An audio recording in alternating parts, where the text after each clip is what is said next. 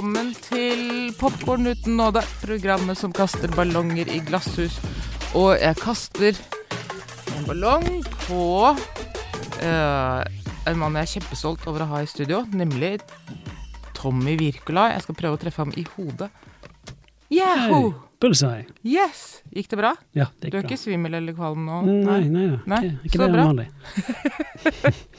Du, først og fremst, jeg må jo få lov til å si dette, og jeg kan si det uten å lyve og uten å late som. Eh, gratulerer med I onde dager. Takk, takk. Eh, eh, jeg ble fylt av følelser jeg egentlig ikke har hatt siden 80-tallet, og det var simpelthen bare en bølge av gladvold strømmet over meg som en tsunami. og jeg lo, og jeg skrek. Herlig, herlig. Og jeg har til og med filmet meg selv mens jeg sitter og skriker og ler. Uh, det kommer på internett etter hvert. Uh, Det er godt å høre. gratulerer. Takk for det. Uh, du må jo fortelle meg hvordan dette blodbadet kom i gang. Ja, det, det, For det, verden har jo vært stengt. det har det. Det har det, og, og eh, det skulle lages egentlig på amerikansk i USA. eh, og jeg, skrev manuset med to engelske forfattere som eh, jeg er veldig glad i, som vi har pratet om å jobbe i, lang tid i lag. Da. Og vi satte oss ned og skrev det manuset, og fikk ting på plass borte i Hollywood, og skulle lage det borte. Og med nå med Tetzschner da også, Mm. men å snakke på engelsk, da. Mm. Men så skjedde koronakrisen, og, og alt stengte ned. Og i motsetning til Norge, så, som har vært sånn forholdsvis normalt, hvert fall, så var det ganske ille borte i USA en god stund. Så det var ingenting som skjedde der borte. Og da var man jo selvfølgelig heldig at man kunne dra hjem til Norge, og, og hadde kontakter her. Jeg sendte manuset til uh, Kjetil uh, Omberg og Jørgen Ståle Rosenberg, som er produsentene mine Mm. her. De likte manuset, og de var gira på å få den opp da, og filme den i fjor høst. Og da hadde vi ca. seks uker på å preppe filmen, som er veldig lite. Mm. Men eh, det, det var mye overskudd, og mye eh, og alle var glad for å få lov å gjøre noe, og SF var med å finansiere.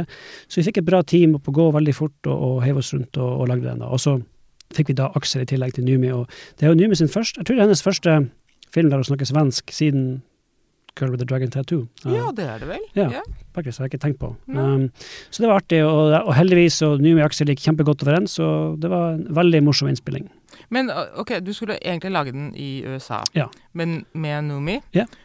R Rapaz? Mm, Man er litt engstelig for det navnet. ja. Den, det var, hun var jo bare et talkshow en gang de kalte henne Rape Ass. Det, det jo sånn artig klipp. Der har jeg ikke vært, men jeg har vært litt sånn rapace. Mm. Numi rapeass. Så ser du hun bare begynner å flire. Eh, Det er vel ikke første gangen hun har hørt den, tenker jeg. Neida. Men var det da en mannlig amerikansk skuespiller også i den andre rollen, eller? Uh, vi, ha- vi hadde den ute til lesing akkurat når vi skjønte at det her kom ikke til å skje. Mm. Vi hadde, det, hadde noen møter med noen forskjellige folk, men ikke da vits å nevner noen navn siden det ikke ble noe. Men, Mhm.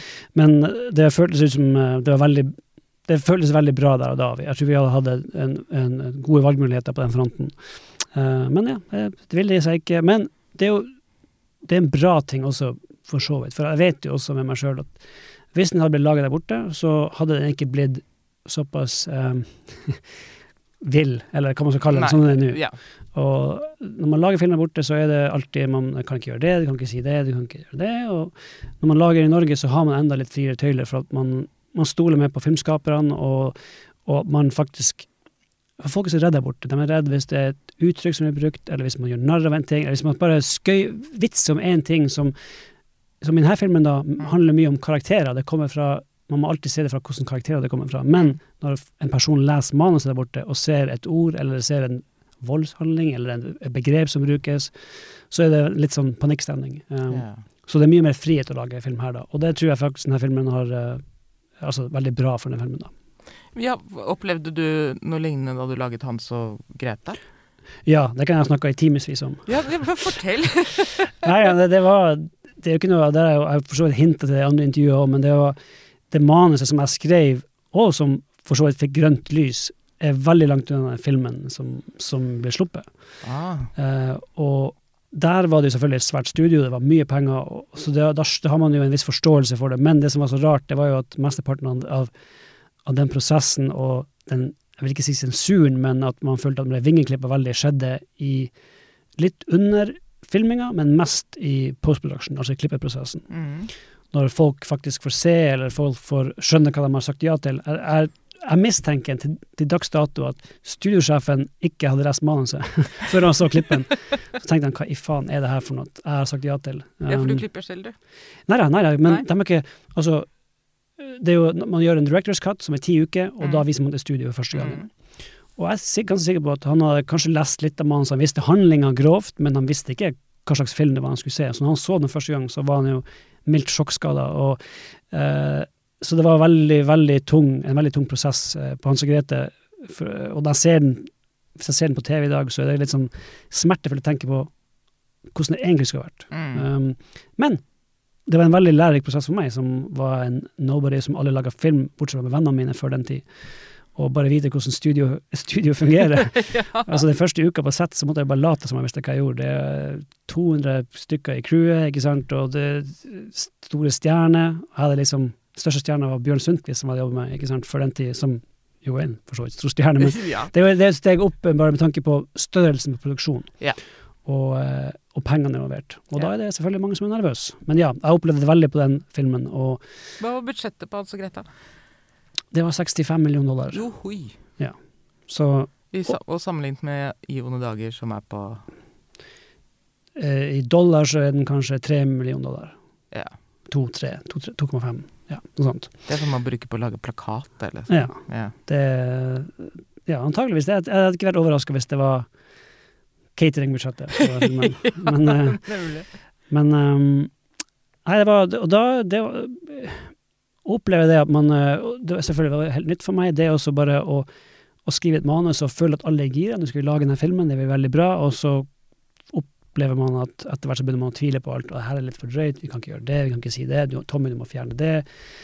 Og, og så selvfølgelig i USA så tester de en film til døde. Ja. Eh, og du tester den for et publikum på 200 stykk, og så har du en fokusgruppe etterpå på 50 stykk, der de spør masse spørsmål. Og så og oppdaga jo at eh, hvis det bare er én person i den fokusgruppa som sier noe, Mm. og i dette tilfellet var det en seks år gammel mann, som ikke er målgruppa for filmen, Nei. så bare sa du kan ikke Jeg syns det var litt drøyt når ditt og datt skjedde. Mm. Så ser du bare studio sitte og notere der. Mm, Ja, ok, det er nok et godt poeng. Så etterpå så var det selvfølgelig den pluss ti andre ting man fikk beskjed om å fjerne eller ta bort. Og, så i alle dager vil jeg faktisk si, og Død snø 2, de to filmene som har vært, vært liksom en reaksjon på at jeg, jeg også lage akkurat det jeg vil. Yeah. Jeg har lyst til, ingen, ingen hemning, ingen tøyle. Bare gjøre akkurat det jeg har lyst til. Og, eh, og det, igjen, det er nok mine to beste filmer jeg skal se på Mm. sjøl. Jeg syns at de har mest overskudd og mest sånn skaperglede, og, og er akkurat det vi planla dem at de skulle være. Mm. Um, Hvem var det som hentet deg over? det var Adam Mackay og, og Will Ferrell og dem, den gjengen der. Ja. Og, Will Ferrell og jo, men det, det er faktisk Og igjen, det handler om Det går tilbake til Død snø, uh, fordi deres produsent var tilfeldigvis på visninga av Død snø i Sundance, på Mm. midnattvisninga, som er en av de beste visningene noen gang har vært med på. Fantastisk stemning. Folk var med, det var, det var, jeg husker det var slåssing i køen før filmen, folk blødde utover eh, gangfeltet der. og Det var så rar hele, rar hele greia, og så bare kjempestemning under visninga. Og da hadde han produsenten vært der og sett den og sagt til agenten min, som jeg akkurat har fått, at sørg for at Tommy Wirkola, når han kommer til Hollywood, så er vi det første møtet den første dagen. Ja. Og så da jeg dro, så møtte jeg uh, Will, var ikke der akkurat da, men da møtte jeg Adam McKay og produsenten. Mm. Og så hadde jeg noen ideer, blant annet Hans og Grete, der som jeg pitcha. Og så tok de meg til Paramount dagen etterpå og solgte den. Altså, i, i etterpåklokskapens tegn så det har det aldri vært så lett sånn som det var den gangen. Jeg har jo aldri fått en film laga så lett eller så fort, eller satt opp et prosjekt på et studio igjen så fort, så jeg ble jo ble liksom ikke bortskjemt, men jeg, jeg skjønte i ettertid at det er aldri så lett som det var der. Um, det var bare At det var liksom the perfect storm. Det var eventyrfilmer som begynte å bli laga den tida. Hans og Grete-ideen var selvfølgelig en IP som alle studioer ser etter, en, en sånn ny spinn på en kjent verk. Uh, og RM og Will hadde akkurat fått en ny deal med Paramount den uka, mener jeg. En produsentdeal. Mm. Så de tok meg inn. Så det er liksom flere ting som slo inn der og da. Men ja, det var dem som så den og tok, den, tok meg over. Um, og, dem, og det må jeg bare si at Will, og spesielt Anna McKay, var fantastiske produsenter og kjempa mot studio veldig hardt. Men på den tida så var det nesten som at på, den tida hadde McKay bare laga komedie også, så var det liksom nesten en holdning fra studio om at du har ikke laga action, du vet ikke hva action er, liksom. En til og med mot han. Eh, men altså, nå skal jeg si at på den tida i Paramount så var det de, de sjefene som var der nå, de har fått sparken, de har ikke jobba siden da, og de skapte veldig mange fiender. Når vi var i Klippen, så husker jeg det var Noah med Darren Aronofsky og um, World War C samtidig som oss. Og det var kaos og krangling på alle de produksjonene også. Og Ja. det var så mye Jeg tror ikke det var et bra regime rett og slett på Paramount på den tida. Ok. Um, Så det var mye babling her, men eh, Nei, nei, det, det er helt fint. Det er dødsinteressant. Uh, men hvordan startet det for deg? Altså, er det sånn, Kan jeg forestille meg at uh, dere satt og pillet på DVD-er og VHS-er og hva slags Ja. Dette har vi lyst til å gjøre? Absolutt. Jeg jobba jo på videobutikk i mange år i Alta. Ja, Jeg gjorde det. Ja. Antageligvis til dags dato den beste jobben jeg noen gang har hatt.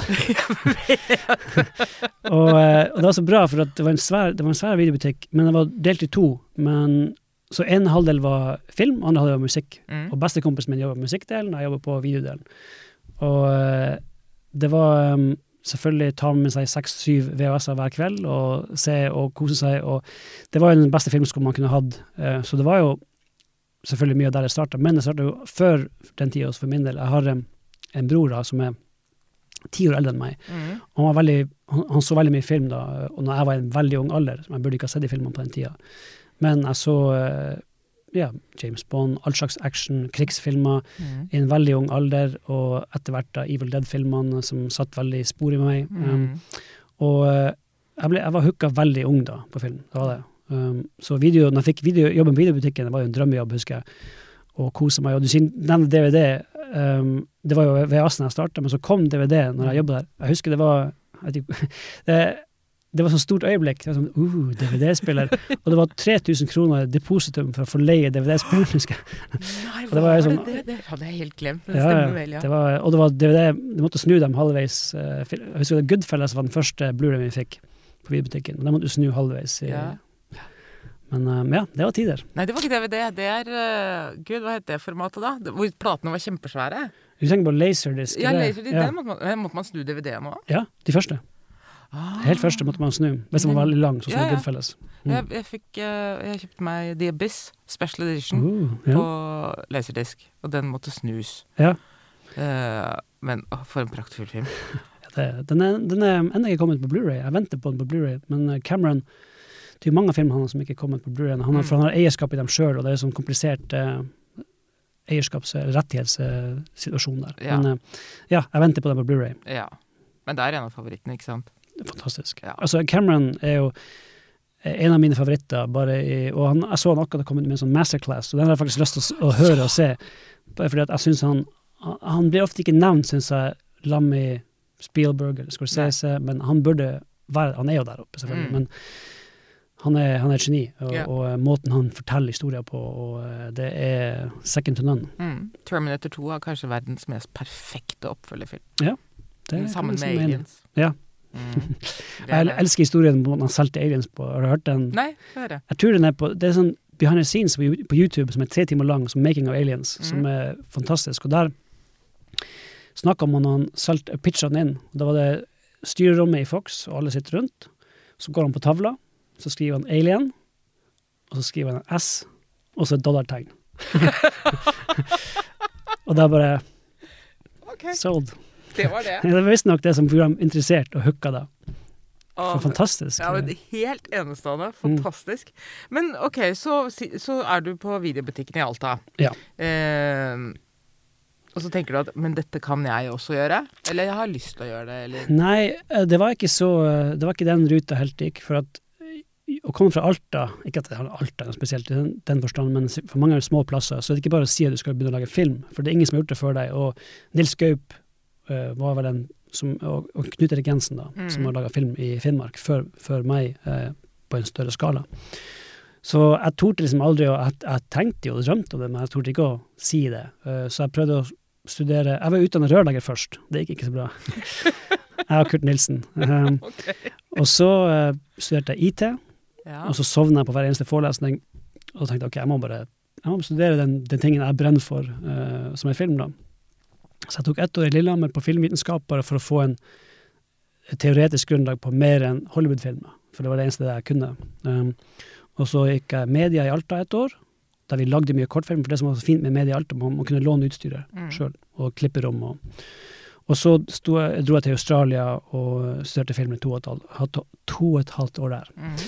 Eh, og det var faktisk der i Australia at uh, For i Australia har de fire semester i, tre semester i året, men man får bare støtte fra, i Norge på to semester i året. Så det betyr at en gang i året var jeg hjemme tre måneder. Og det var da vi lagde Kill Buljo-kortfilmen. Mm. Når vi kjeda oss i Alta, og, og så lagde vi den, dro jeg tilbake.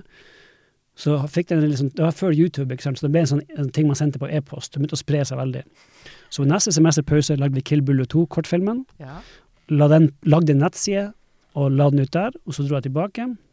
Fullførte bachelorgraden min. Og og i mellomtida så eksploderte Kill Bullu-tingen i Norge. Eller eksploderte, det ble som en internetting, da, fenomen. Det ble en greie. Ja. Og da så jeg, jeg tenkte ok, kanskje dette er sjansen vår til å gjøre noe med det her, da, og bruke det til noe. Så jeg og, og faktisk kjerneteamet som jeg enda jobber med i Norge, er fra Filmskolen i Australia. Det er produsenten min, Mm. og production designeren og fotografen. Mm. Så jeg og produsenten min vi dro til Alta og begynte å finne penger. Vi gikk til rørleggere, til elektrikere, til uh, all, Altså, det er mye sånn type industri i Alta, og, og, og vi fikk Jeg tror vi klarte å skrape sammen totalt 700 000, hvis jeg husker rett. Mm. Og vi følte at det var nok til å kunne lage det, den filmen. Vi vi skulle filme på sommeren, det var midnattssol, vi visste det lys hele tida. Trengte ikke noen lyspakke, noe særlig lyspakke, og vi, vi hadde et crew på ti stykker, mener jeg. Og vi, det eneste vi betalte Jeg betalte dem ingenting, da, men de fikk en deal at hvis filmen ble slått på kino, så fikk de betalt. da. Og vi betalte for opphold og mat. Um, så vi lagde film. Vi lagde den på noen 20 dager. Filmen i Alta brukte bare venner. Jeg måtte spille en rolle sjøl, det var ikke meninga, men det var det som måtte til for å få laga den. Um, og eh, vi, klarte å få den i boks på en eller annen måte eh, til slutt, da. Og, og eh, hadde ikke råd til klipper, hadde ikke råd til klippeutstyr, vi brukte bare pengene, så Eller vi hadde kjøpt en klippemaskin, men vi hadde ikke råd til programmet. så, så vi lasta ned en ulovlig kopi av Adobe Premiere Pro. Og jeg husker jeg satt i kjelleren til mamma dem og klippet den filmen, og programmet krasja hele tida. Jeg hadde sikkert sånn ti panikkanfall underveis. Uh, men fikk, vi fikk nå klippa sammen til slutt. Um, og så Vi hadde ikke distributør. Jeg kjente ikke Kjetil den tida. Kjente Nei. ingen i film, norsk film. Um, så da dro vi til Oslo med den i, i bagasjen da, og viste den til uh, distributører. Mm. Og det var jo uh, artig i seg sjøl. Altså gikk han banket fra på dør til dør til dør? Ja, for vi hadde jo sluppet traileren til filmen, Ja. første traileren, og hadde jo fått litt bust. så det var jo litt interesse, men vi fikk jo nei mange plasser. Ja. Uh, og jeg, jeg var ikke med på alle visninger. Jeg husker jeg var med på Oro Film, da, som endte opp med å Mm. distribuere, distribuere den, og der Kjetil, jobbet, Kjetil Omberg jobba på den tida. Mm. Og det var tre stykker i en salen, eller det var fire med meg. Det var Kjetil og to til som var på Oro Film. En person på høyresida, hun flirte ikke en eneste gang i hele visninga. Jeg husker jeg satt og så på, var sånn steinansikt gjennom hele. Sjefen satt på den sida, han sovna etter ti minutter, sov gjennom hele filmen. Men Kjetil foran meg satt og flirte gjennom hele filmen, jeg tenkte ok, vi har en sjanse her. Ja. Eh, så da ga de oss et tilbud om å distribuere den med 20 kopier, eh, og det gikk heldigvis veldig bra. Mm, det Og, det. um, etter det så var det jo steg for steg da, med Død snø og Hans og Grete. Ja. Hvordan tenker du frem en film når du holder på med manus? Altså Ser du bildene, eller er, er det en sånn stream of consciousness, eller har du begynnelse, midt og slutt og sånn når du setter deg ned? Nei, jeg, jeg vet, jeg, det er litt, tror jeg er litt forskjellig, faktisk. Um, Jeg har alltid likt å, å skrive historier og fortelle historier. og jeg, uh, jeg fant jo mine gamle stilbøker fra fjerde klasse, der jeg Mm. man skulle skrive liten stil, og jeg skrev 25 sider stiler om Og det er veldig det det komisk å se når du, jeg, jeg holdt på meg i hjel når jeg leste dem på nytt. Det er så, det er så påvirka av dårlige actionfilmer. American Ninja. Alle heter Joe Armstrong, for eksempel, sånn som helten heter der. Og Joe og Jack og Frank. og eh, så er det sånn Jeg, jeg skrev en historie som heter Hesten, og som hadde fire oppfølgere, Hesten 2, 3 og 4, som handler om noen sånne gangstere i hesteveddemiljøet. Jeg vet ikke hvilken film jeg har sett som har påvirket meg til å skrive det. Men, men jeg føler da um, Kill Buljo, så var det, da var det jo Aussie Frode som kom opp i lag, og Død snø. Men jeg har alltid hatt en eh, Jeg vet ikke, på grunn av kanskje at jeg så så sinnssykt mye og rare filmer i oppveksten min, og blanding av ting jeg har sett, og, og med, med, med den fantasien jeg kanskje alltid har hatt, da, så har det blitt en eh, jeg, jeg føler at jeg er veldig god til ideer. da. Alltid uh, Å komme opp med konsepter og ideer, og, og da klare å få den på papiret på en måte som makes sense da, for å lage film. Altså Hans og Grete-ideen var jo en gammel idé. Den hadde jeg jo uh, før jeg dro på filmskole til Australia. Um, jeg har fortalt den historien før, da, men, men uh, det var jo for at vi hadde en eh, eventyrbok hjemme Mm. som vi ofte leste til, som mange andre, og jeg var jo livredd, og hadde på kassett Hans og Grete-eventyret. Nei. Og husker jeg man hørte hun, uh, heksa brente levende på slutten, det var liksom støkk til meg. Ja, ja, knitring ja, og hyling og skriking. Og. Så fikk jeg det rett før filmskole, husker jeg, og bare la, la, lå langt i bakhodet Hans og Grete 15 år etterpå, de heksejegerne. Og så hadde vi en pitchkonkurranse på skolen Ja. uh, for, i screenwriting class. Og det var min tur, og folk hadde liksom ganske sånne kompliserte pitcher da, og jeg hadde ikke så mye. Jeg hadde bare, igjen, Hans og Grete, Ja. 15 år etterpå, vokste opp, blir heksejegere.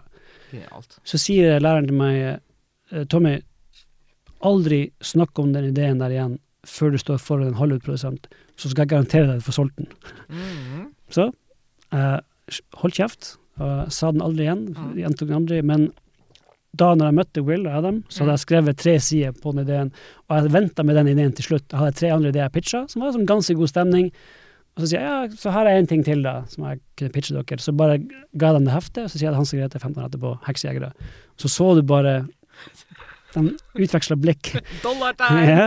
Ja, ja. Eh, og, eh, ja, som sagt, så tok, tok de meg med til Paramount dagen etterpå for å pitche den Ja. der. Siden du hadde litt uh, ja, ikke superopplevelse av å lage film i, i Hollywood, hvorfor ville du da lage I onde dager der?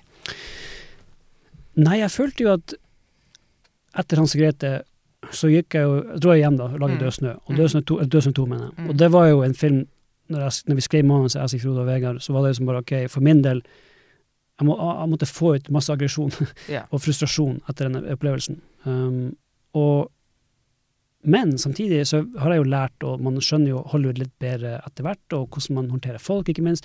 Jeg gjorde mange feil sjøl. Det, det er ikke bare studio som var vanskelig. Jeg gjorde feil sjøl. Jeg fikk f.eks. et tips som alle får i starten, det er 'choose your battles'. Mm. Og han, på Hans og Grete så var jeg tenkte jeg for mye på det i begynnelsen, i manusfasen og i produksjonsfasen, for da krangla jeg aldri. Da diskuterte aldri med dem. Det var bare OK, OK, Mm. jeg kan prøve å fikse det. OK, jeg kan Mm. justere det.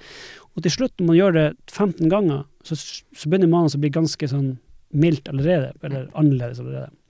Så når jeg da kom til klippeprosessen, og så skjønte jeg faen, det her er jo ikke den filmen jeg nødvendigvis så for meg. Nå må jeg Mm. prøve å beholde i hvert fall det jeg har. Så krangler jeg altfor mye igjen. Og til Ah. slutt så kom det til et punkt der de bare overså meg nesten.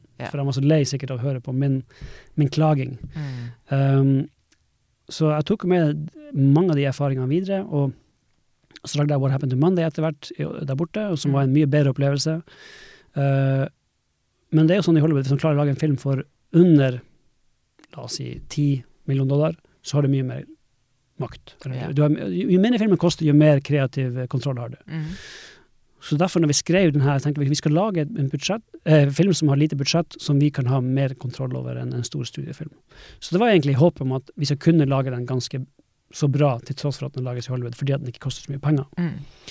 Eh, for man har jo lyst, og selvfølgelig, det er jo en sånn tingen der man, Grunnen til at man er der borte, er jo man har jo lyst til å lage en film som flest mulig folk ser. Og det er ikke yeah. noe å legge skjul på at lager man en film i Hollywood, så blir den jo sett av veldig, veldig mange folk. Mm. Uh, og så det er kanskje så enkelt som det at man har lyst til å skal bli sett på størst mulig, størst mulig måte. Men det er helt lov. Du lager jo ikke film for fire mennesker. Nei, nei, Nei, det, Da hadde du jo hett Vibeke Løkkeberg. um, men uh, vi Kiwi er billigst i VGs matbørs og har vært billigst i fire av de fem siste VGs matbørser. Og nå presser vi prisen på påskevarer fram til 1. april. På 1,25 liter assortert Henning Olsen sørlandsis presser vi prisen fra 74,90 helt ned til 49,90. På assorterte 250 ml Cevita og Bendit smoothies presser vi prisen fra 1990 helt ned til 12,90 pluss pant. For det er vi som er prispresserne. Og vi i Kiwi gir oss aldri på pris. Unnskyld. Um, du er jo, er jo, du er jo en effektmaker. Det er det ikke noe tvil om. Det er jo helt vidunderlig. Jeg, en eller annen gang, en eller annen, under en eller annen mandag, hvor jeg soset bak scenen, så lå det kostymer fra Død snø eh, ute, eller rett ved inngangen. Jeg holdt på å stjele en jakke. Mm. Men jeg gjorde ikke det da, for jeg tenkte det stakkar, de trenger dem vel til noe. men, men det var sånn, jeg tok jo på den og så på den, at det er helt fantastisk, det er helt utrolig. Mm. Ehm, men vi har jo skuespillere. Hvordan forholder du deg til dem og til rollefigurer og, og sånn? En av favorittingene mine med å lage film er jo å samarbeide med skuespillere, jobbe med skuespillere. og de har gode ideer, ok, ta den ideen, jobbe med den, utvikle den, eh, og, og skape noe sammen. Det er jo grunnen til at man lager film. Mm. Det gjelder ikke bare skuespillerne, det gjelder crewet, og det har jeg alltid prøvd å, å gjøre med mine filmer, og ikke være det skal bare være min måte, min vei, og, og inkludere alle. og Jeg føler meg så heldig som får lov å lage, lage film. Og det siste jeg vil, at det skal være dårlig stemning på sett. Og det, og det kan trygt si på alle mine filmer har det vært god stemning, og, og jeg tror, Eller nå spør du meg, da, men det kan hende du spør noen i crewet, så sier det samme. Men, men eh, jeg føler at det er veldig viktig, og, og eh, det skal være artig å gå på jobb. Og eh, det skal være god stemning, og det skal være Sånn som Tarantino, han tar jo en shot etter hver dag av innspilling, og We love this, we're making movies. Altså, han har et sånt mantra han sier etter Mm. hver dag på sett, fordi man er så utrolig heldig man får lov å gjøre det man gjør. Ja. Og det, den oppfatninga deler jeg absolutt. Ja. Men ok, når vi er inne på regissører, da. Ja. La oss snakke om dem som har øh, påvirket deg. Tarantino, selvfølgelig. Ja. Uh, De har de vanlige, vil jeg si. Du har Lucas og Spielberg når han er veldig ung, som absolutt uh, du er født samme år som Alien. Ja. Det er Ja. helt fant. Jeg tror det betyr, det, det betyr lykke. Ja. ja. Jeg var jo ekstrem Star Wars-fan da jeg var yngre, og jeg, jeg er vel det enda. Og Star Wars og Indiana Jones-filmer som jeg har sett Mm. så sykt mange ganger. Og så, etter det, så I min ungdomsår så fikk jeg øynene opp for Peter Jackson og Sam Remy. Og det var da jeg skjønte det går an å lage skumle ting og veldig voldelige ting, Mm. men ting som er gøy fremdeles. Mm. Det var en, på en måte en eye-opener for meg, da. ja. Og jeg bare OK, det her går an. Det går an, faktisk. Og jeg husker jeg så Peter Jackson, Bad Taste, uh, første gang. Oh, fabulous. Ja, så bare, det var bare det var noe helt nytt. og Det var Ja. så, og, og Evil Dead, ikke sant. Livredd. eh, Spesielt Evil Dead 2. Skummel, intens, men så Mm. utrolig morsom. Mm. Um, så det er absolutt, uh, når jeg ble litt eldre, at de gjorde veldig inntrykk på meg. Um, når det kommer til bare tone og stil. Og, og Tarantino, i nyere år, så også nyere år, i siste eh, Tarantino, jeg, eh, Scorsese de, jeg, hvilken, av, hvilken av Tarantino? Som er de beste, men de beste. Ja. Hvis du skulle lage en liste, da. Det er ekstremt vanskelig spørsmål. Det, forandrer seg litt til, tider, Ja. faktisk. Men i siste så har jeg følt at Inglorious Bastards kanskje er hans beste film. Jeg, Mm. jeg, jeg, jeg bare Hver gang jeg ser den, så bare syns den blir bedre. Mm. Um, jeg vil også si at Once Upon a Time in Hollywood uh, storkosa meg virkelig med. Jeg føler at det var eh, den første gangen Tarantino lagde en film som har hjerte også. Jeg er helt enig. Uh, Jeg syns også den faktisk blir bedre Ja. hvert. Jeg husker jeg, jeg så den på uh, Arclight i Hollywood første gang. Staffelsal. Uh, og storkosa meg. Og så på slutten, når det bare går helt bananas, og Brad Pitt tar eh, ansiktet til en, til en dame og knuser det mot peishylla, og folk rundt meg og flirer seg i hjel. Ja. Det, det her er en mester. Ja. Her er en mester som lager film. For Ja. å klare å få den stemninga med den ultravolden der, eh, og bare folk er så med. Ja. Uh, jeg storkoser meg. Um, Jeg forestiller meg at, det, at det Leonardo eh, blir venner med Roman Polanski, og at han Mm. får en ny karriere, og at det, det er han som spiller i Chinatown litt senere. ja. Det er kommet en eh, novelle nå. Har det? Tarantino har sluppet novelle. Oppfølger til Once Upon a Time? Nei, bare, Bare mer utfyllende. Ja, bok. Skrevet bok. Ah, Som er masse sidehistorier og utfyll, mer utfyllende, og, og både før og etter. Ja. Så den skal jeg lese. Den kom ut det skal vi uka, alle lese. Ja, Det er sommerlektyre, altså. ja, Ja. den er okay. ehm, Spielberg, som, som er min gud, um, ved siden av Cameron. Ehm, han hadde også litt sånn der måtte få ut ting etter Indiana Jones. Han hadde laget ET, han da. Ja. Så han måtte liksom føle seg litt ned. Mm. Mens Etter, du måtte få ut aggresjonen, liksom. ja, etter Indiana Jones 2, var det? Ja. Mm. Han var kjempedårlig, var så utslitt at han ikke klarte å gjøre noen ting. Spielberg, selvfølgelig. Herregud, det, det, det, han har ikke laga en dårlig film. Uh, men um, Sugarland Express. Ja. Nei, den er ikke dårlig. Men altså, folk vet jo ikke om folk vet ikke om den. Den har jeg bare sett én gang, faktisk, for lenge, lenge siden. Eh, det må jeg nok revisit. Ja, det må du. Ja. Selv om øh, litt langsom. Men altså, den er praktfull. Og det, det er sånn Man kan se at det finnes en slags to Spielbergs, da. En som kanskje kommer til å fortsette å lage uh, lignende dramaer. Ja. Eller en som bare tenker Wow, det var gøy med action! Og så valgte han heldigvis den andre siden, da. ja. Ja. Er altså, av hans filmer, så, bortsett fra Indiana Jones, så er Altså, Jaws er jo antagelig altså, oh, det, det er en perfekt film. Det er en perfekt film. Det er en sånn type film som hver gang den går på TV, så må man bare Mm. klikke innom, så må man se den ferdig. Ja. Uh, den er så bra.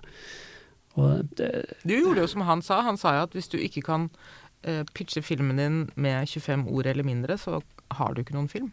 mm, OK, ja. ja Du ja. gjorde jo det med Hans og Grete. Jeg med Ni ord eller mindre. Ja, skjønner du. det var jo dømt til å bli en suksess. Ja. Ja. Uh, men nå er det jo uh, Siden da um, Dette er jo min personlige mening. Jeg mener at 90-tallet var det siste gode tiåret til Hollywood. Som Mm. jo starter med uh, 'Nattsvermeren' og slutter med 'The Matrix'. Ja. Og etterpå så er alt er bare T-skjorter og merch og sånn.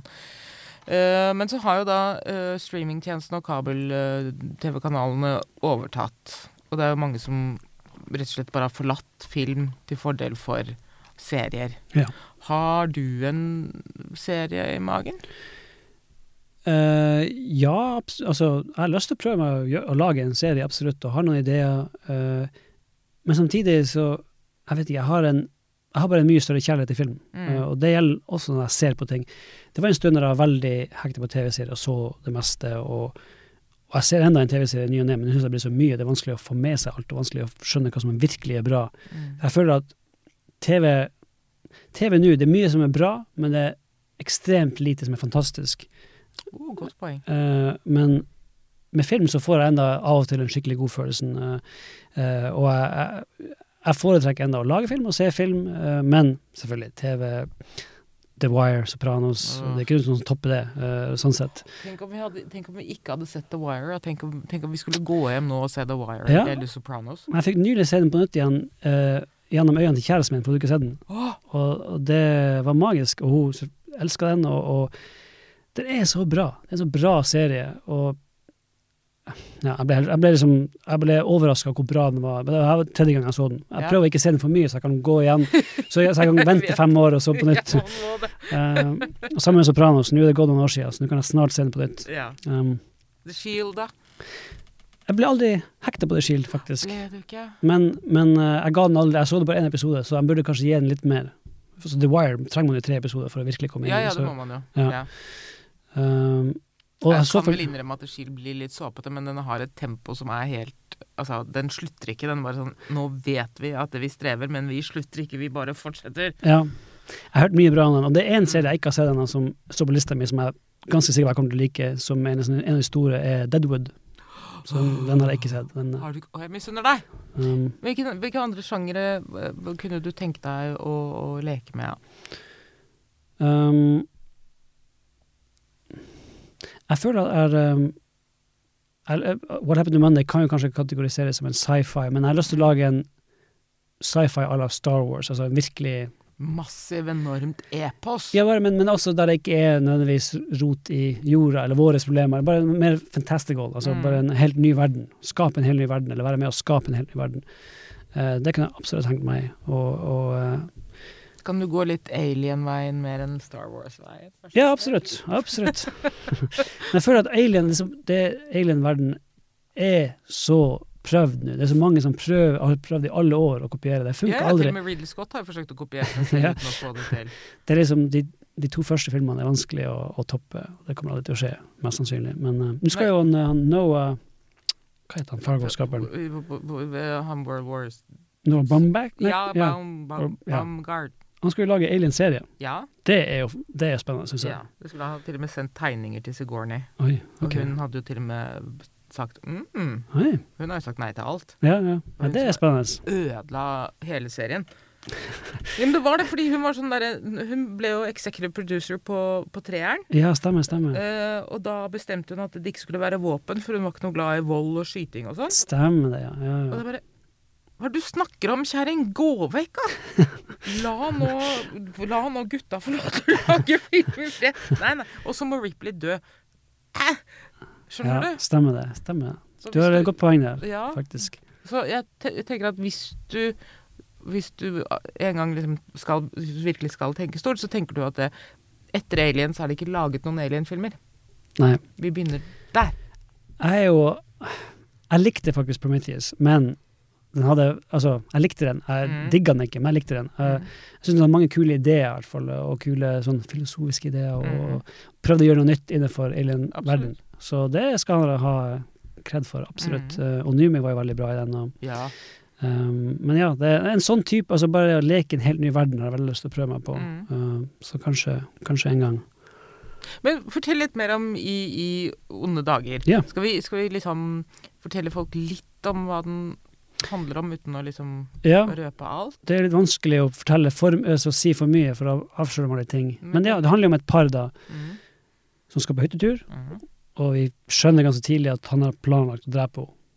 Uh, men det han ikke vet, er at hun også har planlagt å drepe han samme helga. Uh, men det er jo bare starten på uh, reisa deres. um, for det, det kommer jo Det er jo flere som blander seg inn i den historien, kan man jo Mm. si, og den går jo Det tar litt av etter hvert. Men nei, det, det Altså, jeg, det var rart, av covid så har jeg ikke fått testa filmen, jeg har ikke fått vist den til folk. Uh, så det å høre at du likte den, var utrolig Mm. kult. og Det er liksom, du er en av de få som har sett den, så det, jeg gleder meg bare så sykt å sitte i en sal og se den med folk. Mm. Uh, for jeg tror og håper at det er en film som virkelig kan gi folk en sånn følelse at de har, shit, nå, her er, det her er gøy, at de yeah. har en gøy opplevelse i lag. da. Ja. Um, så det var absolutt en av formlene vi lagde den, å skape en sånn uh, en film der den tar mange twists and turns, Mm. og uh, ja, forhåpentligvis levere en del overraskelser underveis. da. Ja. Man kan jo se at Aksel Hennie har det forferdelig gøy. Ja. Altså, det synes jo. ja, Han virket understimulert, og bare endelig noen slipper han løs. Det var jo helt Jo. tydelig. men det er litt gøy også, både med Aks Aksel og Numi for så vidt, for de gjør veldig ofte seriøse ting, Mm. og, og, og eh, det var gøy å la dem slippe seg løs. yeah. og ha det gøy, og være morsom og være sjarmerende. Mm. Og, og Aksel, eh, uten å avsløre noe igjen, så, så får man jo se han i situasjoner man ikke- ikke har sett han i før. Mm. Og det er jo noe deilig bare for et norsk publikum også, og for det, å se det. Og, og Aksel er en utrolig modig skuespiller, må man bare si. Det er ingen jeg har opplevd eh, i møter, og ja, mest i møter kanskje, men bare skuespillere som er veldig opptatt av hvordan de ser ut til verden, altså hvordan de eh, oppfattes Yeah. Mm. De vil ikke gjøre visse ting, for det kan skade imaget deres, Mm. eller de er redd for å vise seg fra en side som de ikke føler passer det macho-imaget. Mm. Men uh, Aksel og Numi og, og Numi hadde jobbet med før, da, så jeg visste jo det, men Aksel har ingen, ingen sånn, og det er han åpen for hva som helst som gjør filmen bedre. Mm. Og det handler ikke om han, det handler om filmen, uh, og utrolig artig jobb med han. Mm. Mm. Og det er jo utrolig hardt å lage originale filmer i Hollywood for tida. Spesielt uh, den type filmer som jeg og du uh, Elsker. når vi vokste opp. Mm. Den uh, filmen som kosta 20-30-40 millioner dollar, som action, Mm. actionkomedie, Mm. uh, thrillere og sånn. Det, det lages nå, ja, kanskje, men litt i mindre skala overfor streamere. På kino er det utrolig sjelden å se sånne filmer. Ja. Det er superhelter på kino. Superhelter og horrorfilmer. Ja, Mm. Det er grunnen det. Hvis du skulle ha laget en remake av en film, hvilken ville du ha laget om en? Altså, da kan du velge gjennom hele filmhistorien. Kommer Um, Steven Spielberg til å si 'Tommy, I want you to do this'.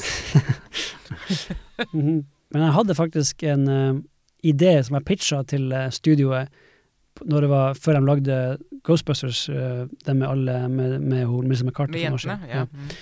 Da hadde jeg en som jeg og agenten min syntes var en utrolig kul idé på en Ghostbusters-oppfølger, men Mm. fikk ikke napp, dessverre. Da hadde jeg forberedt meg masse, laga masse artwork, kokt ut hele historien, ideen, eh, karakterer. Hadde fem og seks sånne svære bilder å vise med. Det var en god presentasjon, men eh, det holdt ikke. Altså en, en Ghostbusters-oppfølger Ja. eller remake? Oppfølger. Det oppfølger. Mm. Okay. Ja, men fortell, da. Du kan bare si at du gjorde det. Hva var det i den? Eh, nei, den, den eh, Det var vel eh, Det er så lenge siden. Jeg vet ikke, jeg husker ikke detaljene helt. Må jeg tenke litt. Det var i hvert fall Det var dattera til Dan Aykroyd sin karakter vi fulgte, som ha, etter å ha vokst opp i et hus omgitt av han og masse spøkelser. Ah. Så var det eh, Det var et eller annet med karakteren som da var veldig lei av den tilværelsen, og lei av de døde, lei av den type Så det var prøve å gjøre noe nytt med datteren hans, eh, og skape litt nye ideer innenfor mytologien. Mm. Eh, men selvfølgelig, det var jo masse artige spøkelser, og New York blir eh, erobra igjen. Man kan ikke forandre for mye heller. Nei, nei, nei, nei, nei. Det må ha visse, visse Ja. ting der. Ja. Ref Alien 3. Ja. Ja. Mm. Mm. Men um, nei da. Det, men da husker jeg, det forberedte meg veldig. Det var veldig gira. Jeg følte jeg hadde en god idé, men uh, ble skutt ned. Sånn. Mm. Um, rent filmhistorisk, har du noen perioder som du er mer glad i i andre? Altså Bortsett fra det 80-tallet som vi vokste opp med, selvfølgelig. Um, i, I det siste har jeg sett uh, igjen, og da har jeg jo sett det før, selvfølgelig, men jeg har virkelig prøvd å dykke dypere inn i 70-tallet da, og bare se Mm. mye av de autørene der når de lagde film, og de fikk lage sine egne filmer i, på en stor skala med mye skuespillere. Mye bra, mye bra der, men uh, liksom, jeg prøvde å For at eh, en stund som 80-tallet, 90-tallet, eh, og så blir man så oppslukt eh, i sine egne ting og, og ser det som nytt som kommer på kino, men jeg føler at etter hvert så følte jeg at jeg følte at ok, jeg, burde gå tilbake litt og se litt på mesterne, og, og før det var for mye studio involvert, og når de hadde frie tøyler. Mm. Uh, jeg så eksempel på nytt her om dagen, eh, det er jo en veldig kjent film, men jeg hadde ikke sett den siden filmskolen, eh, Dog Day Afternoon. Oh, ja. Det var en, for en fantastisk film, Mm. og den Kunne type ikke blitt laget i dag. Nei, nei, nei, Mm, ikke mm. snakk om. Ikke snakk om. Og han er jo en fa- fantastisk regissør. Mm. Altså, se på uh, hva, 12 Angry Men, den uh, Mm. Dem, det, det, Vi så faktisk dem, jeg og kjæresten min så dem to back to back. Mm. To fantastiske filmer. Um, men um, Så vi har gått litt tilbake, da. Mm. Prøvd å se, det, prøvd å se oss litt opp eh, på, på 70-tallet. Tror du at du kommer til å forandre uh, Om ikke filmsmak, men at altså, Jeg vil jo tenke på deg som en autør. Men tror du at du vil forandre stil, smak, tilnærming etter hvert som du blir eldre? Kan du se Jeg vet ikke. Jeg føler jo at faktisk at i unge dager er en litt ny ting for meg, fordi at Eller jeg føler, jeg føler at på en måte så har det ting, de tingene jeg er flink til, har på en måte kommet sammen i filmen. Mm. Jeg, eh, jeg får beholde humoren og det ekstreme fra Død snø-filmene, Mm. men det er satt i et mer ekte univers. Det er liksom, det er ekte karakterer denne gangen, eh, på en måte, selv om de er også ekstreme til tider. Men det er mer eh, De har problemer vi kan kjenne oss igjen i, eh, selv om det er skrudd til 11. Eh, så det, den kombinasjonen med ek, en mer ekte verden og mer ekte karakterer, med den humoren og de ekstreme tingene jeg har gjort før, føler jeg ble en veldig artig miks. Mm -hmm. Så det har jeg absolutt lyst til å prøve å gjøre mer av. Og, og vi, vi som har skrevet i unge dager, har skrevet et manus nå som er også litt i den verden, og veldig inspirert av Fargo og den type filmer. Mm. Der jeg, jeg, det var en, jeg vil ikke si en, en sånn øyeåpner for meg, men det var veldig kult å se når jeg så, så filmen første gang, og vi hadde tre-fire stykker i salen når jeg kjørte gjennom og så, sjekka filmen første gang nylig, Mm. og så, kom, eh, så bare kjente energien, og, og så på den sjøl og tenkte faen, det, var en, det føles som en veldig bra miks av ting i yeah. filmen. da. Det føles som en balanse som er bra for mine skills. da. Mm. Um, så jeg har lyst til å prøve å leke meg litt mer i den verden, da. Mm. Du skal være både Cohen og Sam Ramy. Ja, jeg er i hvert fall inspirert av den begge. ja, ja, ja. Um, Men det er en god miks, det, da. Ja, ja, absolutt. absolutt. Um, nei, så det, det var um, Det var gøy, og det, kanskje det blir litt mer, mer sånn, men jeg føler jo at det filmene mine har vært kjent for før, fremdeles er der. Men det er litt annen omstendighet og karakterer, og det føles Det gir en helt annen feeling da enn Død snø, da, Mm. Mm. for eksempel. Hvis jeg sier at den er øh, utrolig infantil og skrullete på en voksen måte. Ja. Ja, absolutt. Det kan man, det kan man si. Ja. Og de jeg, skriver manus med, har veldig Vi utfyller hverandre veldig bra. Vi har samme smak, det har vi, og vi, vet, og vi har like samme type filmer, men vi har også uh, skills som utfyller hverandre når det kommer til manus. Uh, så det er igjen en, bare en sånn utrolig fin kombinasjon. Um, og, men ja, det, vi har begge, eller alle tre, samme barnslig humor, som Mm. hjelper veldig. Mm. Um, men um, Nei, jeg, jeg, øh, jeg gleder meg som sagt ekstremt til å se det med folk. Jeg, bare, jeg er spent på hva de flirer av, og hva de ikke flirer av, og hva de blir sjokkert av, og hvor de blir overraska. Det, det er jo Jeg føler at man eh, Det er så lenge siden nå, eh, men det er jo grunnen til at man faktisk lager film, og det er derfor jeg liker å dra på festivaler. Jeg, jeg er en av dem som ofte reiser med filmen min, selv om til, Dødsnytt 2 husker jeg var i Sør-Korea på en sånn sjangerfestival. Det er en av de kuleste opplevelsene jeg hatt, bare å se den med et publikum jeg aldri ser den med ellers, og Ja. De flirte av helt andre ting, opplevde ting annerledes. Og det er jo grunnen til at man gjør det her. Det er å se det man skaper med en crowd og, og Ja. med forskjellige folk. Ikke sant. Hva, hol- holder du på med noe nå? Det, vi, eh, vi har jo eh, Jeg vet ikke om du har lest den animasjonsfilmen, animasjonsfilmen vi skal lage? Nei, fortell. Ok. Ja. Det var jo i, i avisene her eh, nylig, faktisk. Ja. I papiraviser.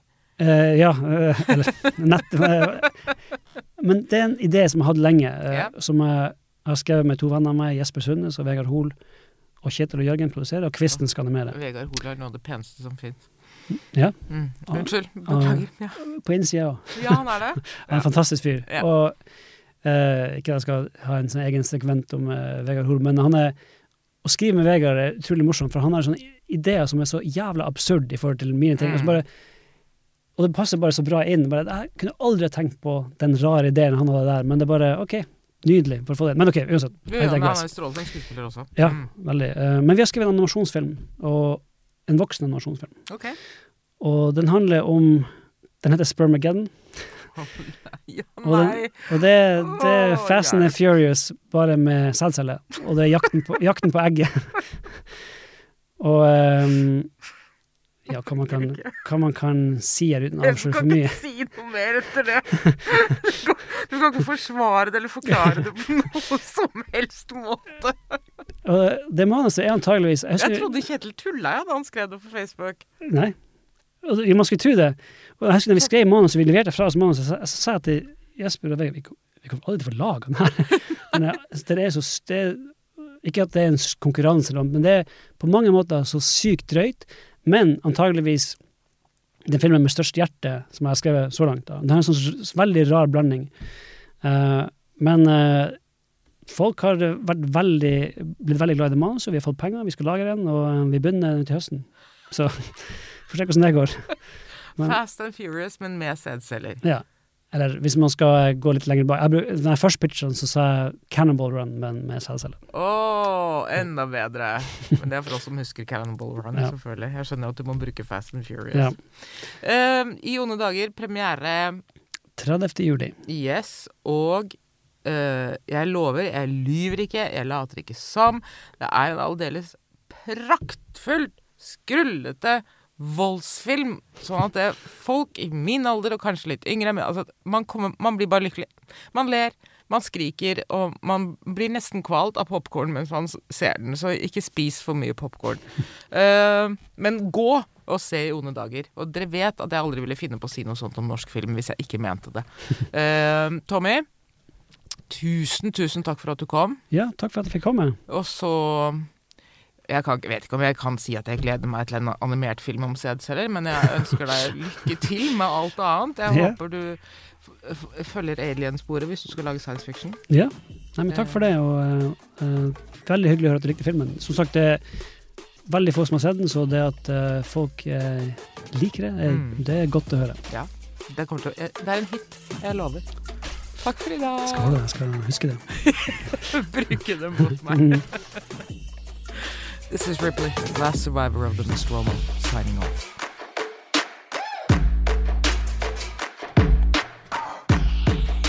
Og gjett hvem som kommer til Brita i neste uke. Og så har jeg sett alt av Beck. Beck! Nå ble du Kadra 87, liksom? Jo, jeg vet det. Det er bare sånn. Men det er det beste, Kadra. det, er det beste jeg vet. Å bare, bare sitte liksom Hvis jeg har hatt en superlang dag, Ja. og bare liksom sitte på og zoom og se en annen Beck-episode, Mm, og så da bare tømmer jeg hodet. ja. Det, det er noe med Eller Poirot. Altså, det er noe med at ja, det var det jeg tenkte jeg skulle si. Er det, Ja. nummer- ja, det er nummeret før Poirot, men du sa ja, det jo selv. jeg, jeg ser Poirot, jeg ser som det. Det ligger på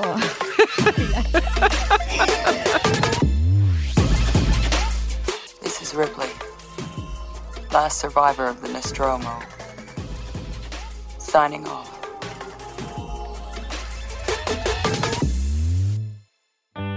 Denne podkasten er produsert av Tid og list.